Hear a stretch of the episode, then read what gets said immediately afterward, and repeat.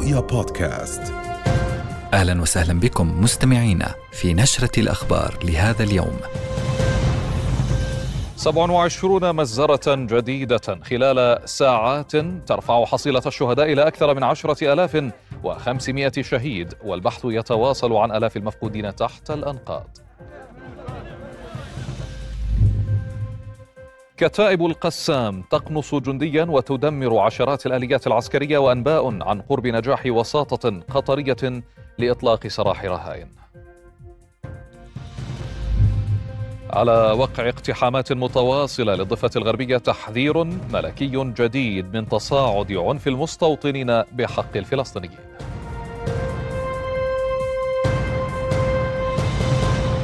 في اليوم الثالث والثلاثين للحرب على غزة تواصلت الغارات المكثفة على القطاع مع استمرار الاحتلال الإسرائيلي في تعنته برفض أي هدنة إنسانية ضاربا بجميع القوانين الدولية عرض الحائط وزاعما على لسان رئيس وزرائه بنيامين نتنياهو أنه لن يكون هناك وقف لإطلاق النار من دون إطلاق سراح الأسرى. وارتكبت قوات الاحتلال مجازر جديدة في مناطق مأهولة بالسكان بجباليا شمال القطاع وانصارات والشجاعية وبيت لاهية فيما تجاوزت حصيلة الشهداء عشرة آلاف وخمسمائة من بينهم أربعة آلاف وثلاثمائة وأربعة وعشرون طفلا وألفان وثمانمائة وثلاث وعشرون امرأة.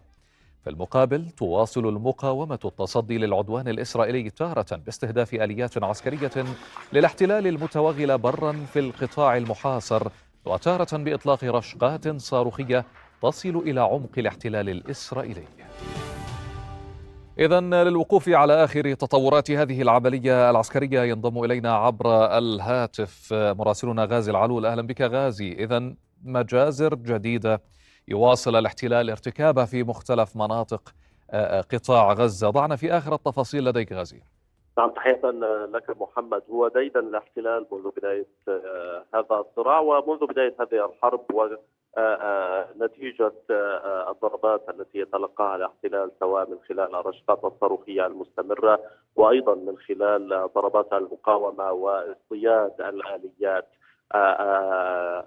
جيش الاحتلال الإسرائيلي في أكثر من منطقة. آه، نتحدث عن 139 كما أكد أبو عبيده ناطق العسكري باسم كتائب القسام أن هذه أو هذا العدد لدبابات تم تفجيرها واعصابها سواء بشكل كلي أو جزئي في آه، المعركة البرية فقط. هذا الأمر موثق بالصوت والصورة كذلك آه، كما أعتاد القسام أن ينشر فيديوهات لهذه المعركة بالتالي الاحتلال عندما يتلقى مثل هذه الضربات فهو يكشر عن أنيابه ويضرب المدنيين باعتبارهم القاعدة الشعبية والحاضنه الشعبية للفصائل الفلسطينية المقاومة هنا في قطاع غزة. بالتالي عدد الشهداء يرتفع ويزداد وهي يعني ضريبة الصمود والصبر في هذه المعركة نتحدث عن أكثر من 10569 شهيدا حتى اللحظة. بالإضافة إلى أعداد أخرى وصلت إلى مشافي القطاع خلال الساعة الماضية. آه، آه، آه، أبرزهم 35 شهيدا في مجزرة ارتكبت في استهداف منزلين في شمال القطاع. بالإضافة إلى استهداف سيارة مدنية أيضا في وسط مدينة أو وسط قطاع غزة منطقة دير البلح. كذلك مدينة خان يونس هنا في جنوب القطاع شهدت عدد من الاستهدافات والغارات طالت مسجدين وهو ما يرفع أعداد المساجد التي دمرت خلال هذا اليوم فقط إلى أربعة وهذه الغارات لم تخلف سوى ثلاث إصابات بحمد الله في جنوب القطاع. عمليا ما يجري على الأرض هو امتداد لهذه العملية العسكرية البرية، نشهد بالفعل في بعض المواقع تقدم لآليات الاحتلال ولكن تتصدى المقاومة الفلسطينية بشراسة لهذا التقدم. بدأ واضحا محمد خلال الأيام الماضية وأيضا اليوم آه، بأن الهدف الأسمى بالنسبة للاحتلال هو الوصول إلى مجمع الشفاء الطبي كما ذكرنا سابقا لدى الاحتلال اعتقاد سائد بأن بعض الرهائن موجودون هناك وأيضا قادة حماس يديرون المعركة ويدعي الاحتلال أنهم كذلك يختبئون في انفاق آه، تحت مجمع الشفاء بالتالي يركز الاحتلال في عمليته البرية وفق الخطوط التي يسير فيها للوصول إلى هذه المنطقة وهذا المجمع الطبي. على الرغم من تواجد عدد كبير فيه من المواطنين نتحدث عن 70 ألف نازح في المستشفيات. وكان قد استهدف سابقا من خلال الطابق الرابع في مبنى القدس في أو وهو أحد مرافق مجمع الشفاء الطبي استهدفت الخلايا الشمسية فيه واليوم كذلك كانت الطائرات طائرات الاحتلال قد ألقت قنابل فسفوريه وهو الفسفور الأبيض المحرم دوليا على فوق ساحة هذا المشفى وكان هناك عدد من المواطنين أصيبوا بالاختناق نتيجة هذا الفسفور السام. كذلك أيضا يمكن رصد خلال الساعات الماضية عمليات نزوح مستمرة منذ الصباح. نتحدث عن أرقام كبيرة نوعا ما. آلاف من النازحين خرجوا من شمال القطاع ومن مدينة غزة وصولا إلى جنوب القطاع. هذه عمليات النزوح هذه تأتي في وقت تقطعت بالمواطنين في مدينة غزة والشمال كل سبل الحياة بعد استهداف 12 مخبزا. بشكل كامل في المدينة. بالتالي كان المواطنون مجبرون على الرحيل من نعم. منازلهم والوصول إلى جنوب القطاع. هذا عوضا عن تدمير مولدات الكهرباء كذلك ومصادر الطاقة البديلة وأيضا مضخات المياه التي تزود منازل المدنيين. بالتالي لم يعد أمامهم حل سوى الوصول إلى الجنوب. مراسل رؤيا غازي العلول كنت معنا من قطاع غزة. شكرا جزيلا لك. هذا وأطلقت وزيرة الصحة الفلسطينية مي الكيل التحذير الأخير من انهيار المنظومة الصحية بالكامل في القطاع بعد خروج نصف المستشفيات عن الخدمة. وأكدت الكيلي أن أرقام الشهداء المعلنة حتى اليوم لا تعبر عن الواقع موضحة أن هناك آلاف المفقودين لا يزالون تحت الأنقاض. هناك أكثر من 10400 شهيد بالقصف الإسرائيلي المستمر على قطاع غزة وأكثر من 25 ألف جريح كثيرا منهم بحالات الخطر. وهذه الأرقام لا تعكس الواقع حيث أن عدد كبير من الجثث والجرحى لا يزالون تحت الركام. أكثر من 70% من الشهداء هم من الأطفال والنساء والمسنين. أما المفقودين فقد بدأ بلغ عددهم 2350 مواطن. بينهم أكثر من 1300 طفل. ما يعني أن حصيلة الشهداء يرتفع بشكل كبير مع مضي الأيام ورفع الركام. حتى اليوم هناك 192 شهيدا من الكوادر الصحية و36 من طواقم الدفاع المدني وعشرات الشهداء من العاملين لدى المنظمات الدولية. خمسين سيارة إسعاف قصفت بينها أربعين تعطلت على العمل بشكل كامل. أما عدد المستشفيات التي خرجت عن عن الخدمة وكانت هي الضحية المبالغ فيها فقد بلغ عددها 18 مستشفى من أصل 35 مستشفى. أما في الضفة الغربية فالوضع ليس ورديا أيضا والاعتداءات الإسرائيلية مستمرة وهناك ضغط متزايد على قدرات الطوارئ في مراكز العلاج جراء الارتفاع الارتفاع الكبير في أعداد الإصابات بسبب عدوان قوات الاحتلال الإسرائيلي وقطعان مستوطنيه مع ارتفاع الطلب على الامدادات الطبيه الطارئه في المستشفيات. يصاعد الاحتلال من انتهاكاته في مناطق الضفة الغربية وكان آخرها بيت لحم إذ أصيب 61 فلسطينيا خلال اقتحام قوات الاحتلال الإسرائيلي المدينة ومحاصرتها لأحد منازل المواطنين في منطقة المسلخ وافادت جمعية الهلال الأحمر الفلسطيني أنه جرى نقل المصابين إلى أحد مستشفيات بيت لحم ووصفت إصاباتهم بالمستقرة. وأضاف أنه جرى إخلاء مدرسة أيتام بها ما يقرب من 100 طفل جراء الاختناق من الغاز بسبب المواجهات الدائرة.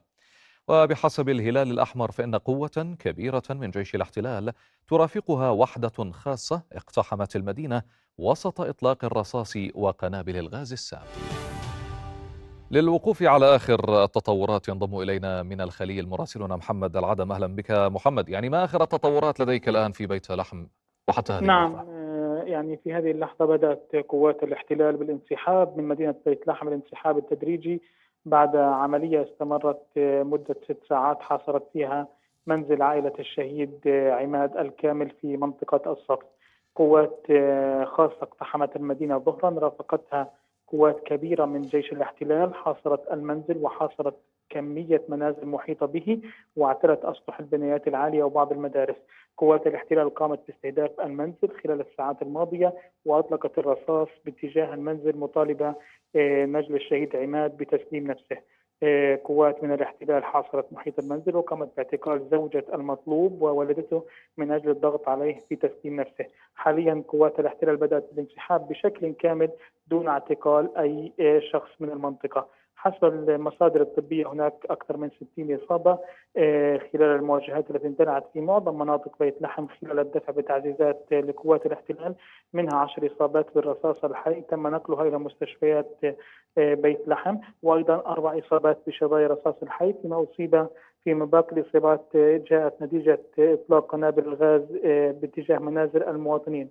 قوات الاحتلال خلال اقتحامها المنطقة اعتلت أسطح البنايات وحاصرت مدرسة آه، مدرسة ومنعت آه، الطلبة ومنعت طواقم التدريسية من مغادرتها فيما تمكن الهلال من إخلاء مدرسة تابعة للأيتام آه، وأصيب عدد كبير من الطلبة بسبب إطلاق قنابل الغاز المواجهات حاليا مستمرة خلال انسحاب قوات الاحتلال في أكثر من منطقة وبدأت بشكل كامل قوات الاحتلال بمغادرة بيت لحم بعد عملية استمرت لمدة ست ساعات حاصرت خلالها أحد المنازل لكن لم يتم تسجيل أي آه، أي اعتقال لأي مواطن من المنطقة يعني هذا المنزل الذي قامت بمحاصرته كان هناك يعني مطلوبون به؟ آه، كان ادعى الاحتلال بأن الهدف وهو مجدي الكامل نجل الشهيد عماد متواجد في المنزل لكن بعد اكتمال العملية ربما لم يكن متواجد داخل المنزل بعد الوصول إليه وإطلاق قنابل باتجاه المنزل وأيضا اعتقال زوجة آه، المطلوب وولدته تبين فيما لاحقا أنه لا يوجد في المنزل وانسحب الاحتلال بشكل كامل من محيطه. أشكرك مراسلنا من الخليل محمد العدم كنت معنا.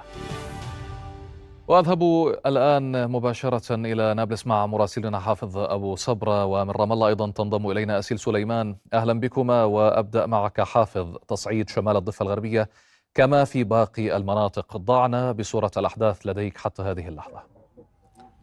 نعم محمد يعني التصعيد واضح بشكل جلي في مناطق شمال الضفة الغربية الاقتحامات متوالية لم تعد تقتصر على ساعات الليل والفجر الأولى بل صارت خلال حتى أوقات النهار منذ قليل اقتحمت قوات الاحتلال بلدة صبستيا إلى الشمال الغربي من مدينة نابلس المحتلة وهذا يأتي عقب تنظيم مستوطنين مسيرة من حاجز عناب قرب مدينة طول كرم صوب حاجز دير شرف إلى الشمال الغربي من مدينة نابلس المحتلة بعد أن جاء يوسي دقان رئيس مجلس مستوطنات شمال الضفة الغربية وأمر الجنود بإغلاق الحاجز في وجه حركة المواطنين الفلسطينيين ما شدد من الخناق الذي ازداد وارتفعت وتيرته على المواطنين وحركتهم في الخروج والدخول من وإلى مدينة نابلس في ظل إغلاق كل الحواجز الرئيسية في محيط المدينة. هذا فيما يتعلق بالتطورات الميدانية خلال الساعتين الأخيرتين فيما آه، قوات الاحتلال كانت اقتحمت مناطق عدة شمال الضفة الغربية نفذت حملات اعتقال بحق مواطنين فلسطينيين واعتقلت آه، آه، بعض سيدات. السيدات الفلسطينيات ومنهم زوجة ووالدة أسير فلسطيني من بلدة تل غرب نابلس المحتلة أفرجت عنهما لاحقا للضغط على الأسير لأجل آه، منحهم المزيد من الاعترافات حيث أنه واحد من ضمن مئات الأسرى الفلسطينيين الذين اعتقلوا منذ السابع من أكتوبر في حملة تستهدف بشكل رئيسي قيادات حركتي حماس والجهاد الإسلامي وبعد ذلك طالت قادة في حركة آه، فتح أيضا في مناطق شمال الضفة الغربية المحتلة. حتى هذه اللحظة هناك أكثر من 2250 معتقل فلسطيني آه، من من عموم أرجاء الضفة الغربية. تتركز هذه الحملات في مناطق الجنوب في الخليل وهنا في نابلس وجنين وقلقيلية وطول كرم حيث اعتقل أحد عشر مواطن فلسطيني من مدينة قلقيلية صبيحة هذا اليوم فيما سجلت أربعة حالات إصابة بالرصاص الحي من بينها واحدة وصفت بالخطيرة. أشكرك حافظ وأنتقل مباشرة إلى أسيل سليمان. أهلا بك أسيل. يعني أيضا هناك حملة اعتقالات كبيرة يشنها الاحتلال وتطال مواطنين من الضفة وأيضا هناك صحفيين آه، آه، يعني آه، يتم اعتقالهم. ضعينا بتفاصيل هذه الصورة. نعم منذ بداية العدوان على قطاع غزة وكذلك على الضفة الغربية سجلت من قبل المؤسسات المعنية بشؤون الأسرة أكثر من 2280 حالة اعتقال في عموم الضفة الغربية والقدس المحتلة. أيضا آه، آه، بعض هذه الحالات أو حالات الاعتقال لنقل ألف على الأقل ما يزالون يخضعون لتحقيق عسكري. استشهد خلال هذا التحقيق العسكري على الأقل ثلاثة آه، أسرى شهداء حتى الآن. ولا نعلم في الحقيقة إذا كان هناك أسرى شهداء آخرين داخل الزنازين لم يعلن عنهم أو داخل السجون لم يعلن عنهم حتى هذه اللحظة. حصيلة يوم أمس فقط ليلة أمس وصباح اليوم من الاعتقالات في الضفة الغربية والقدس المحتلة تجاوزت ال 65 حالة اعتقال تركزت في بيت لحم والخليل بالتحديد. طالت هذه الحملة يوم أمس صحفيين ليرتفع بذلك عدد الصحفيين المعتقلين في سجون الاحتلال منذ بداية الحرب على قطاع غزة إلى 24 صحفيا بينما عدد الأسرى الصحفيين بشكل عام في سجون الاحتلال هو 39 آه، صحفيا. من بينهم طبعا آه، آه، الزميلة سمية جوابرة التي هي أم لثلاثة أطفال وهي حامل في شهرها السابع في الحقيقة.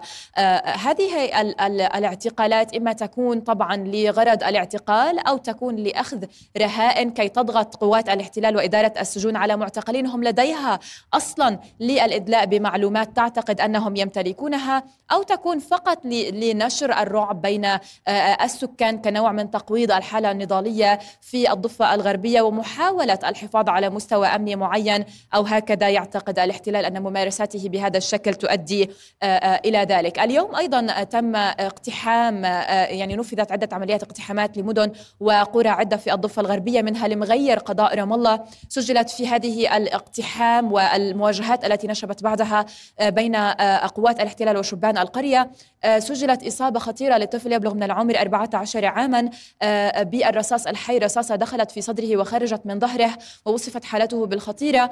أيضا صباحا تم اقتحام مخيمي عين السلطان وعقبة جبر في مدينة أريحة ووقعت آه، مواجهات واشتباكات أيضا بين الشبان وقوات الاحتلال في جامعة بيرزيت في بلدة بيرزيت قضاء رام الله. أيضا كان هناك اقتحام لقوات الاحتلال اقتحمت الجامعة خربت ممتلكات الكتل الطلابية صادرت أعلام ورايات آه، ومقتنيات للكتل الطلابية في مقراتها في الجامعة آه، كما ذكرت خاصة الكتلة الإسلامية وهي الدراسة الصراع الطلابي لحركة المقاومة الإسلامية آه، حماس. يوم غد هو يوم الجمعة كما نعتاد ونتحدث عن آه، لنقل دعوات للحشد ليوم غضب ونفير أيضا كما اعتدنا في الجمعة الماضية منذ بداية العدوان. التوجه بمسيرات آه، إلى مراكز أو في مراكز المدن الفلسطينية ومن ثم إلى نقاط التماس.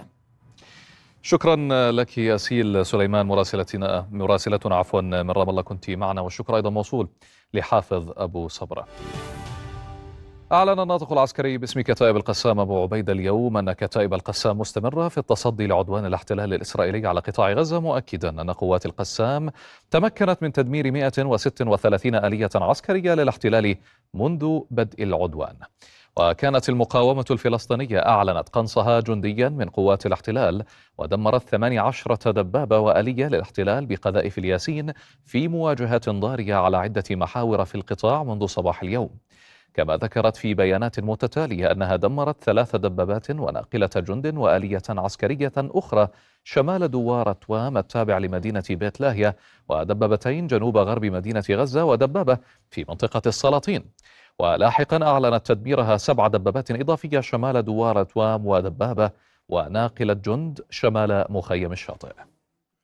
فيدمر مجاهدون الآليات ويوقعون القتلى والإصابات بالجملة في القوات المتوغلة للعدو وبالرغم من تفادي العدو للالتحام الكامل مع مجاهدينا ومحاولته تدمير الحجر والشجر وقتل البشر وسحق المباني والمنشآت وقتل حتى الحيوانات في طريقه بشكل وحشي يشبه الأساطير التي تربى عليها الصهاينة لاستعطاف العالم والتباكي والمسكنة أمامه. فصدق الله العظيم.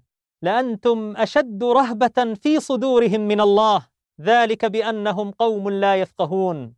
فبالرغم من المجازر والقصف الهمجي الذي يستهدف بالأساس المدنيين والمرافق المدنية في جريمة حرب أمام العالم الذي تحكمه شريعة الغاب. إلا أننا بفضل الله نناور بقوات النخبة من مجاهدينا فنلتف لضرب العدو في خطوطه الخلفية وننصب له ولدباباته الكمائن ويدمر مجاهدون الآليات من نقطة صفر ومن المدى الفعال للأسلحة المضادة للدروع والأفراد. وكذلك للبنايات التي يتحصن فيها الجنود ويواصل سلاح القنص استهداف الجنود وسلاح المدفعية. دك التحشدات بقذائف الهاون والصواريخ. وبعد مواجهات دامية بين المقاومة وقوات الاحتلال في مناطق عدة من القطاع أعلن جيش الاحتلال ارتفاع عدد قتلاه منذ السابع من تشرين الأول الماضي إلى 350 من بينهم 33 جنديا وضابط منذ بداية العملية البرية. وقال وزير دفاع الاحتلال يؤاف جالاند في مؤتمر صحفي إن القصف المكثف على قطاع غزة مستمر وشدد على رفض وقف إطلاق النار. يزعم جيش الاحتلال أن قواته تطوق مدينة غزة بالكامل وتقدمها تدريجيا أو عفوا تقدمها تدريجيا صوب قلب المدينة المكتظة بالسكان. كما زعم أن ضرباته الجوية قتلت قياديا بارزا في حماس وعددا من المقاومين. وفي المقابل أعلنت المقاومة أن مقاتليها كبدوا قوات الاحتلال خسائر فادحة. قال قيادي حماس أسامة حمدان اليوم في المؤتمر الصحفي اليومي بالعاصمة اللبنانية بيروت. قال إن إسرائيل تبرر فشلها العسكري أمام كتائب القسام بالانتقام من المدنيين الفلسطينيين وبارتكاب مزارة القرن مؤكدا أن الاحتلال لم يحقق أي تقدم داخل القطاع. أبطال المقاومة ثابتون يخرجون للعدو من فوق الأرض ومن تحتها يدمرون دباباته وآلياته وهو ما شهده العالم أجمع وما سمح العدو بنشره فقط. عن مقتل 32 جنديا وضابطا في المعركة البرية هو محض افتراء فالعدد أضعاف ذلك بكثير وآخر هؤلاء القتلى. كان اليوم ضابطا برتبة كولونيل من وحدة شلداغ المتخصصة في حرب الشوارع.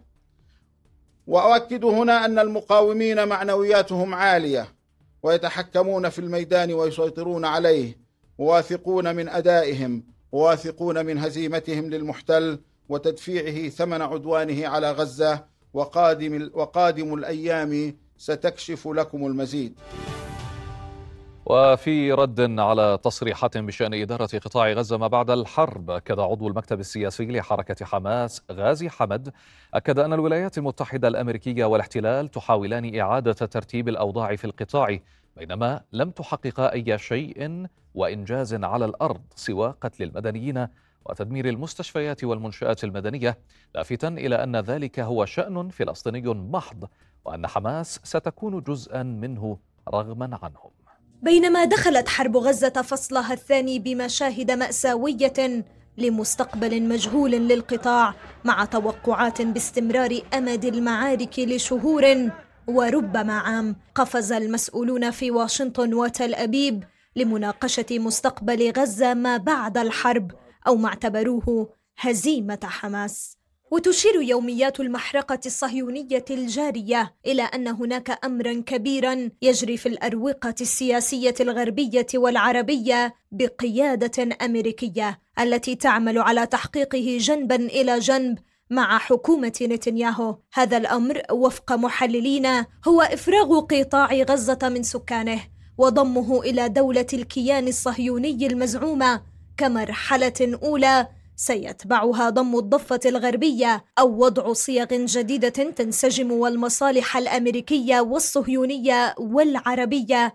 في المرحلة القادمة. وبعد الجولة المكوكية التي أجراها وزير الخارجية الأمريكي أنتوني بلينكين في المنطقة وبحثه مع السلطة الفلسطينية ومسؤولين عرب رؤية بلاده لمستقبل قطاع غزة بعد الحرب، يرى محللون أن ذلك يأتي لتوريط السلطة الفلسطينية في المشهد وكذلك في سياق الضغط النفسي على الفلسطينيين باعتماد فرضية انتهاء الحرب بهزيمة المقاومة. ومع استمرار منع صدور قرار بوقف إطلاق النار جاء تأكيد جيش الاحتلال إنجاز تقسيم قطاع غزة إلى قسمين ودفع غالبية سكان الشمال نحو الجنوب. وبالرغم من إعلان تل أبيب عدم رغبتها في احتلال القسم الشمالي يبدو واضحا أن شروط العودة إليه في يدها ناهيك عن فترة مخاض طويلة تنتظر الفلسطينيين لإعادة إعماره. من بين الخطط التي يجري الحديث بشأنها بوسائل الإعلام الأمريكية نشر قوة متعددة الجنسيات قد تضم قوات أمريكية وهو ما نفته واشنطن لاحقا أو وضع غزة تحت إشراف الأمم المتحدة بشكل مؤقت بينما يرى بلينكن أن الأكثر منطقية في مرحلة ما هو وجود سلطة فلسطينية فعالة ومتجددة تتولى حكم غزة وربما ترتيبات مؤقتة قد تشمل دولا أخرى في المنطقة أو وكالات دولية تساعد في توفير الأمن والحكم. لكن السؤال المطروح هو ما إذا كان تحقيق ذلك ممكنا؟ هو نوع من التفاؤل المفرط لمناقشة خطط حول غزة ما بعد حماس أو حتى إضعافها بعد حكمها القطاع منذ عام 2007 وسيناريو مسؤولية الأمن الشامل لغزة التي تقع على تل أبيب بعد انتهاء الحرب وفق إعلان رئيس وزرائها بنيامين نتنياهو يبدو أنه لا منطقي بالنسبة لأمريكا وليس مطروحا على الطاولة التي صرحت بمعارضة احتلال إسرائيلي جديد طويل الأمد لقطاع غزة. وبينما يتم التفكير باليوم التالي لنهاية الحرب تؤكد حركة حماس أن إدارة القطاع شأن فلسطيني ولن تنجح أي قوة على الأرض في تغيير الواقع وأن حديث أمريكا والاحتلال عن عدم وجود الحركة في مستقبل غزة يعكس فشلا في تحقيق أي إنجاز على الأرض وقناعة بأن حماس أصبحت قوة سياسية وعسكرية تتحكم في مجريات الأحداث. وسط شح في الغذاء والماء لجأ أبناء غزة إلى وسائل بديلة لتلبية متطلبات الحياة إذ اضطر السكان هناك لاستخدام الحطب لإنتاج الخبز بعد انقطاع الوقود والكهرباء. لنتابع. يباغت الجوع الغزيين الجائعين كوحش مفترس لا يرحم. هي حرب في جوف حرب لا يعرف تفاصيلها من يبيت ملئ البطن هنا في مخيم اللجوء في خان يونس يكافح النازحون للحصول على بعض الدقيق ليصنعوا الخبز الذي لم يعد متوفرا بسبب قصف المخابز واكتظاظ الطوابير أمام القلة التي ما زالت تعمل. الوضع سيء يعني لما بروح يشتروا الخبز بيبقى مخاطرة ووضع الله المستعان لا في مية ولا في كهرباء ولا في أدنى وسائل الحياة كمان هنا ولا في وسائل ولا أكل حتى ولا شرب حتى حتى حتى الخبز بروحوا مخاطره لما بروحوا بيجيبوه شباب. وأمام أزمة غاز الطهي يضطر الغزيون هنا للطهي على نار الحطب كحل بديل. إحنا من الصبح ما أكلوا ولا داقوا الأكل إحنا يخلف على الناس الفاعلين الخير جابوا لنا حبه طحين عشان إحنا نعجنهن ونعملهن لاولادنا من الصبح ولا داقوا الأكل. يعني هان ولا في طحين ولا في خبز ولا في شيء بدنا نبعث أولادنا بده ينطخوا بدهم يموتوا. عشان إيش؟ بده ينقص بالطيارة؟ لا. بدنا نموت من الجوع وبدنا نشحط طحين ونعمل طحين ونعمل فطر على النار وننحرق من النار عشان خاطر أولادنا. الاحتلال تعمد خلال أيام هذه الحرب المستمرة على استهداف المخابز الرئيسية في قطاع غزة. ليخرج أكثر من ثلاثين مخبزا عن الخدمة دون أن يلتفت العالم لحالة الموت البطيء جوعا أو عطشا. فالغزيون هنا منذ ثلاثين يوما يسمعون ضجيجا لكنهم لا يرون طحينا. غاز العلول رؤيا قطاع غزة. يوما بعد يوم يتطور مسار المواجهات بين حزب الله وجيش الاحتلال الإسرائيلي في الجنوب ليصبح خرق قواعد الاشتباك قائما في غالبية الأيام. وغداة عمليات قصف إسرائيلية وصفت بالأعنف والأكثر اتساعا يستمر التوتر على الحدود مع فلسطين المحتلة فواصل العدو الإسرائيلي استفزازه أو استفزازاته من خلال استهداف مناطق سكنية كما حصل في بلدة حولة مسيرة إسرائيلية أو عفوا مسيرة إسرائيلية أطلقت ثلاثة صواريخ باتجاه سيارة مدنية فلم تصبها بينما سقط أحد الصواريخ على منزل من دون أن ينفجر. حزب الله بدوره نفذ عمليتان أو نفذ عمليتين استهدف بهما قوتي مشاة إسرائيلية في محيط قاعدة شميرة وقرب ثكنة دفيف وأوقع إصابات بين قتيل وجريح. وفيما أقرت وسائل إعلام عبرية بإصابة جنديين جراء سقوط صاروخ أطلقه حزب الله تجاه مستوطنة دوفيف قصف الاحتلال بالمدفعية والطائرات المسيرة أطراف بلدات جنوب لبنان وأطلق قنابل فسفورية ومضيئة فوق أخرى بغية حرق الأراضي الزراعية.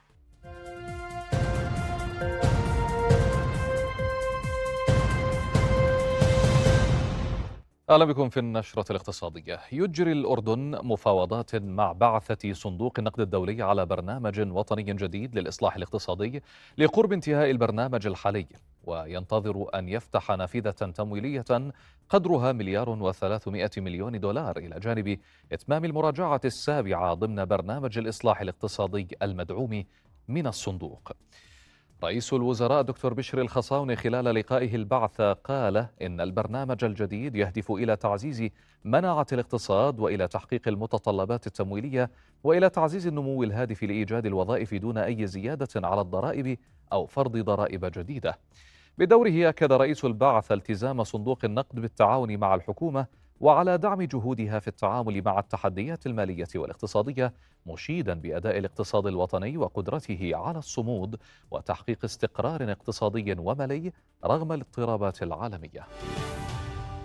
أكد عاملون على سرفيس جسر الملك حسين تراجع حركة الركاب منذ بدء عدوان الاحتلال في السابع من تشرين الأول على قطاع غزة.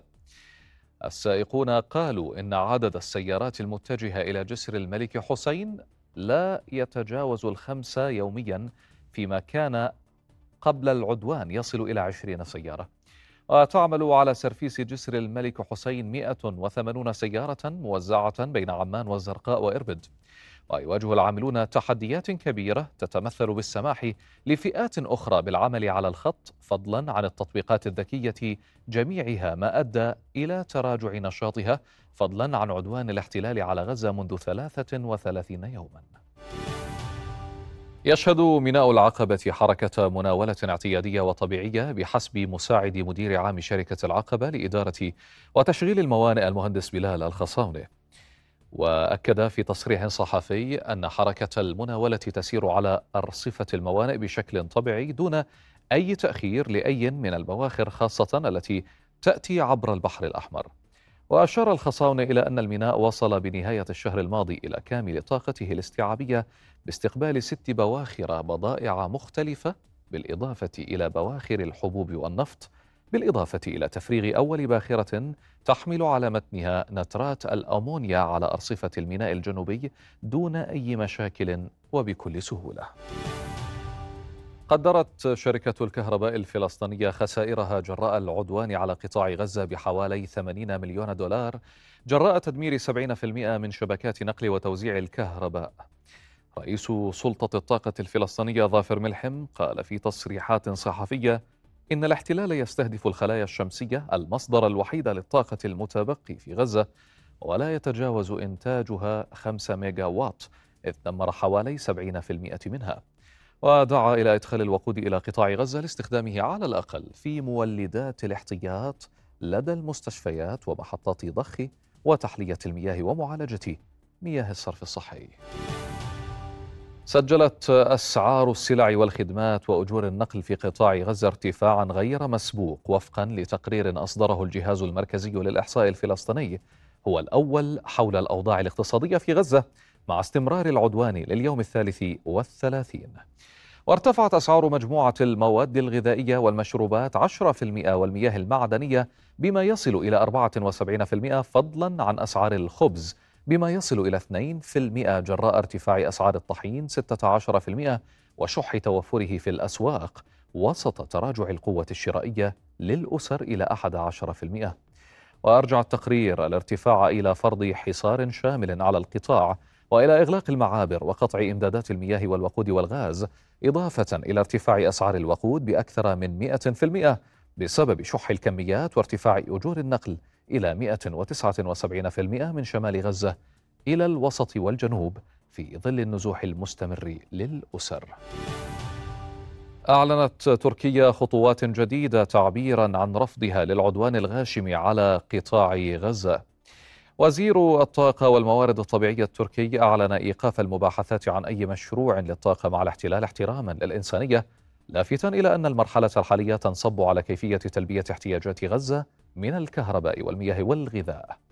وزير التجارة التركي أعلن انخفاض حجم التبادل التجاري مع الاحتلال أكثر من 50% منذ بدء الحرب على غزة.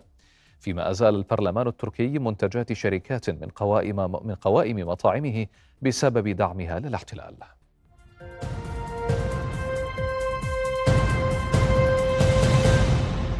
من جديد حياكم الله. أكد جلالة الملك عبد الله الثاني لدى استقباله رئيس أركان الجيش البحريني الفريق ذياب النعيمي ضرورة تكثيف العمل مع المجتمع الدولي لوقف الحرب على قطاع غزة. وجدد جلالته التأكيد على ضرورة بذل أقصى الجهود لحماية المدنيين ورفع الحصار عن غزة وإيصال المساعدات الإنسانية إلى هناك ومن دون انقطاع. كما شدد على أن الحلول العسكرية والأمنية لن تنجح في إنهاء الصراع الفلسطيني الإسرائيلي وبأن المطلوب هو حل سياسي يحقق السلام العادل والشامل على أساس حل الدولتين. وفي اتصال هاتفي مع رئيس الوزراء الهولندي مارك روتا شدد الملك على أهمية إدامة إيصال المساعدات الطبية والإغاثية إلى القطاع محذرا من استمرار تفاقم الوضع الإنساني هناك. كما جدد الملك التأكيد على ضرورة تكثيف الجهود لوقف الحرب على غزة وعلى حماية المدنيين محذرا من تصاعد عنف المستوطنين بحق الفلسطينيين في الضفة الغربية. تقود قطر جهود وساطة لإطلاق سراح 10 إلى 15 شخصا من المحتجزين لدى حركة حماس في غزة مقابل وقف إطلاق نار مؤقت في القطاع وفق ما أفاد مصدر مطلع على المحادثات. وقال المصدر الذي اشترط عدم كشف اسمه لحساسية المحادثات. قال إن مفاوضات تجري بوساطة قطرية وبالتنسيق مع الولايات المتحدة لتأمين إطلاق سراح 10 إلى 15 شخصا مقابل وقف إطلاق نار لمدة يوم أو يومين في غزة. ووفق سلطات الاحتلال الإسرائيلي فإن عدد المحتجزين لدى المقاومة الفلسطينية في غزة بلغ 240 شخصا من بينهم أجانب. وكانت كتائب القسام قد أطلقت سراح عدد من المحتجزين لما وصفته بأسباب إنسانية أكد وزراء خارجية دول مجموعة السبع دعمهم هدنات وممرات إنسانية في الحرب الدائرة في غزة من دون الدعوة إلى وقف إطلاق النار. المجموعة شددت في بيان مشترك بعد اجتماع في العاصمة اليابانية طوكيو على الحاجة إلى تحرك عاجل لمواجهة الأزمة الإنسانية المتدهورة في غزة ودعمها هدنات إنسانية وممرات من أجل تسهيل المساعدة المطلوبة بشكل عاجل ونقل المدنيين وإطلاق المحتجزين لدى المقاومة الفلسطينية في القطاع. وجاء في البيان أيضا أن الوزراء يؤكدون حق كيان الاحتلال الإسرائيلي في الدفاع عن نفسه بما يتوافق مع القانون الدولي. البيان حض أيضا إيران على الامتناع عن تقديم دعم لحركة حماس وحزب الله اللبناني وغيره من الجهات غير الحكومية داعيا طهران إلى استخدام نفوذها لدى هذه المجموعات لتهدئة التوترات الإقليمية. بعد أن أنهى جولته في الشرق الأوسط يواصل وزير الخارجية الأمريكي أنتوني بلينكين زياراته الخارجية بتو... يتوجه إلى كوريا الجنوبية ولقاء نظيره الكوري الجنوبي بارك جن. وكان بلينكين قال في مؤتمر صحفي عقب اختتام اجتماع لوزراء خارجية مجموعة السبع في طوكيو قال إن كيان الاحتلال الإسرائيلي لن يستطيع إدارة غزة وإن قادة الكيان أبلغوا واشنطن بأن لا نية لديهم لفعل ذلك. وتحدث الوزير الأمريكي عن إمكانية اللجوء إلى مرحلة انتقالية بعد انتهاء الصراع وأكد أن على الكيان عدم إعادة احتلال قطاع غزة بعد نهاية الحرب أو فرض حصار على القطاع أو اقتطاع أجزاء منه ذلك ضمن مجموعة نقاط قال إنها عناصر أساسية لتحقيق سلام دائم. من مصر بدأ المفوض السامي لحقوق الإنسان فولكر تورك جولة في الشرق الأوسط تستغرق خمسة أيام بحسب ما أعلن مكتبه أو مكتبه في بيان. المسؤول الأممي التقى وزير الخارجية المصري سامح شكري والأمين العام لجامعة الدول العربية أحمد أبو الغيط وبحث معهما التداعيات الإنسانية الكارثية في قطاع غزة. وضرورة تكثيف الجهود الدولية لوقف إطلاق النار وتسهيل دخول المساعدات الإنسانية. المفوض الأممي قال إن شهرا كاملا مر من المذبحة والمعاناة المتواصلة مضيفا أن حقوق الإنسان تلعب دورا مركزيا في إيجاد مخرج من دوامة الألم هذه بحسب البيان. صوت مجلس النواب الأمريكي لصالح قرار وجه بموجبه اللوم للنائبة الديمقراطية رشيدة طليب على خلفية تعليقات أدلت بها على الحرب التي تشنها تل أبيب على قطاع غزة. واستشهد أو استشهد عفوا الإجراء بمقطع فيديو نشرته طليب عبر وسائل التواصل الاجتماعي يحتوي عبارة من النهر إلى البحر المؤيدة للفلسطينيين. كما أثارت غضب زملائها الديمقراطيين بعد نشرها مقطعا اتهمت فيه الرئيس جو بايدن بدعم الإبادة الجماعية للشعب الفلسطيني. وكانت طليب رفضت أمس الاتهامات بمعاداة السامية خلال خطاب ألقته في قاعة مجلس النواب وقالت: أنا الأمريكية الفلسطينية الوحيدة في الكونغرس ووجهت نظري أو وجهة نظري عفوا مطلوبة أكثر من أي وقت مضى. وفي فصول هذه الحرب غزيون على الطرقات في رواية عنوانها حسرة العودة ومرارة النزوح. هي صفحات عدة في حياة النازحين الا أنها تتقاطع بالألم والمأساة. لم تختلف صور النزوح هذا عن ما وثقه التاريخ في نزوح أجدادهم عام 48 سوى ألوان الصور تبدلت من الأبيض والأسود. لتصبح بجودة عالية. وعلى وضوح الصورة لم يختلف كذلك موقف العالم تجاه مأساة الفلسطينيين من التهجير إلى التهجير. هذه عائلات من غزة نزحت سيرا على الأقدام من شمال القطاع إلى جنوبه في طريق لا يعرف من سيمر منها ومن ستقف حياته على حاجز نصبه الاحتلال على شارع صلاح الدين. تهجرنا في من دون واعي ولا أكل ولا شرب. ما إحنا عارفين وين بدنا نروح كيف الطريق كانت؟ طريق هي طريق عند المحسوم سهله آه. بس فيش مواصلات. ضلينا نمشي ماشي بيجي 15 كيلو ماشي. كم ساعة لكم تمشي؟ إلنا ثلاث ساعات بنمشي مشي واخريتنا أحمر. ومحل اللي لقينا حمار نطلع عليه. كل من نزح لم يحمل معه أكثر من ملابسه التي عليه وأوراقه الثبوتية مهرولا وهاربا. من موت قريب ظل يحوم حوله. صار لنا يومين وإحنا القناص استلمونا. كمان شوي صاروا يرموا علينا قذائف لا أكل ولا شرب ولا حاجة ولا طحين ولا أي شيء اللي بيطلع بالشارع بموت.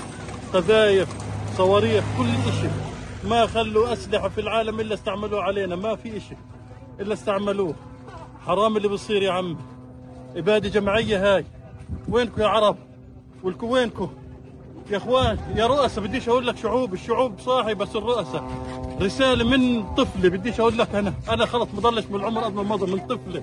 بدها تعيش. أقسم بالله العظيم يا رؤساء العرب حرام اللي عم بتصير فيكم. بالإضافة للقصف الذي لم يتوقف في غزة وشمال القطاع ثمة دوافع أخرى أجبرت من رحلوا على خطوتهم هذه. أهمها هي حرب التجويع التي مارسها الاحتلال من خلال تدمير 12 مخبزا بالإضافة لكل القطاعات الخدماتية من مصادر طاقة ومياه. وسط تساؤل هل سيكون طريق صلاح الدين هذا متاحا للعودة بعد انتهاء الحرب؟ أم أنه بات طريقا في اتجاه واحد بلا عودة؟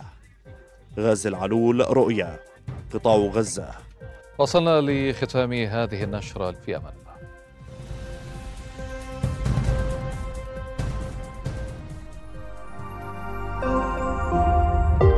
رؤيا بودكاست.